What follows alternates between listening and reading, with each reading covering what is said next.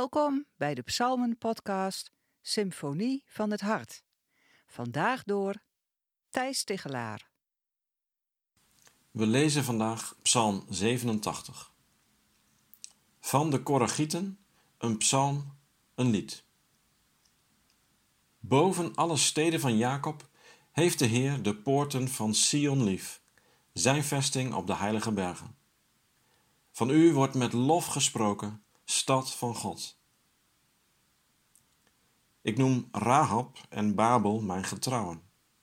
Filistea, Tyrus en Nubië zijn alle hier geboren. Met recht kan men van Sion zeggen: welk volk ook, het is hier geboren. De Allerhoogste houdt Sion in stand. Bij de namen van de volken schrijft de Heer: Dit volk is hier geboren en dansend zingen zij: Mijn bronnen zijn alleen in u.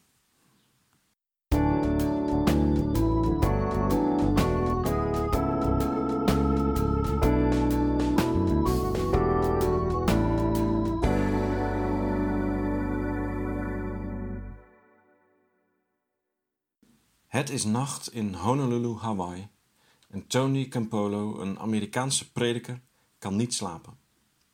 Hij is net aangekomen en heeft last van een jetlag. Dus Tony stapt uit bed, zoekt een bar op en bestelt koffie met een donut. Deze bar blijkt echter de ontmoetingsplek voor lokale prostituees aan het einde van hun werkdag. Dus terwijl Tony ongemakkelijk aan zijn koffie lurkt, vangt hij naast hem een gesprek op waarin een van de vrouwen, genaamd Agnes, aan een ander toevertrouwt dat ze de volgende dag jarig is, maar eigenlijk nog nooit haar verjaardag heeft gevierd. Tony besluit ter plekke om dit te veranderen. Hij neemt de barman Harry in vertrouwen en samen organiseren ze een surprise party voor Agnes. 24 uur later wordt er gezongen, in het donker van de nacht en in de duisternis van een gebroken leven. Er barst een feest los voor Agnes, compleet met slingers, een taart en 39 kaarsjes. Zingen, dansen en feestvieren in een bijzondere stad. Samen met mensen die je zelf nooit zou uitkiezen. Dat is ook allemaal aanwezig in Psalm 87. Het gebeurt in Sion, Jeruzalem, de geliefde stad van God. Maar God blijkt er nogal wat vreemde kostgangers op na te houden daar in Jeruzalem. Want hij wil dat Rahab, wat een scheldwoord is voor Egypte, Babel, Filistea, Tyrus en Nubië geregistreerd worden als volken die in Sion geboren zijn. Deze volken zijn voor Israël symbolen van slavernij, ballingschap, vijandschap, afgoderij en vreemdsoortigheid. Maar God zegt dat deze volken door Hem gewild zijn. Natuurlijk, we weten dat de lijn van het heil voor alle volken heel duidelijk aanwezig is in de Bijbel. Maar het is toch hoogst merkwaardig om daar in Psalm 87 zo over te gaan jubelen. Kom op zeg, we zitten in het derde psalmboek. De teneur is er een van desillusie. De koning van Israël is niet die nobele vredevorst. Het rijk gaat ten onder. De tempel wordt verroest. Het verhaal van Jeruzalem dooft als een nachtkaars. En dit alles komt tot een climax in de duisternis van Psalm 88 het absolute dieptepunt van de psalmen. En nog steeds is de situatie in Jeruzalem, de geliefde stad van God, alles behalve feestelijk. Er leven vandaag de dag dan wel verschillende volken, maar ze kijken elkaar niet of nauwelijks aan, terwijl de een naar de moskee gaat, een ander naar de kerk en een derde naar de synagoge. De spanning is er om te snijden. Hier gaat van je levensdagen geen feest losbarsten. Integendeel, je houdt je hart vast voor explosies van een heel ander karakter.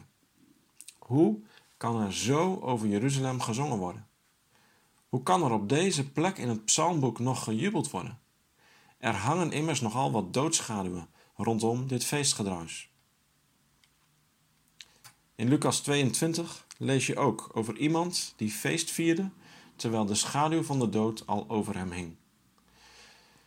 En tijdens dat feest wilde hij ook heel graag een paar vreemde snuiters aan zijn tafel hebben. Het zijn zijn twaalf leerlingen, die notabene tijdens diezelfde maaltijd elkaar nog eens in de haren vliegen, naar aanleiding van de vraag wie van hen de belangrijkste is.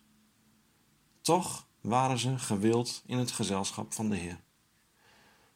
En tijdens die maaltijd, notabene op het moment van de dankzegging, verbindt Jezus de komende duisternis met God, God de Gever.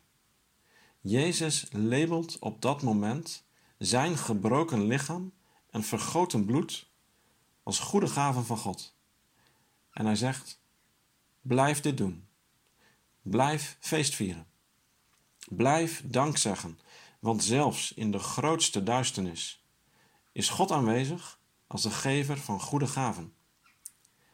En kijk om je heen terwijl je dank zegt, want de vreugdevolle maaltijd van de Heer dwingt ons om naar elkaar te kijken als naar gewilde kinderen van God.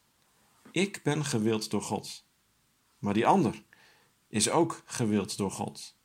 Die zonderlinge, onbereikbare ander, die vijandige, hatelijke ander, die losgeslagen, vrijzinnige ander, die overheersende, kleinerende ander, de ander uit Egypte, Babel, Tyrus, Filistea of Nubië. De ander uit de Randstad, of uit Twente, of uit Limburg, of uit Friesland, of uit Honolulu. De vader wil haar aan zijn tafel en in zijn woonplaats opnemen. De zoon zegt dank voor het brood dat gebroken wordt, maar dat de volken verenigt. En iedereen die eet van dat brood weet: dit is mijn moederstad.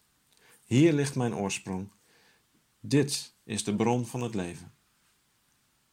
Dan moet je wel zingen, hoe donker het ook is.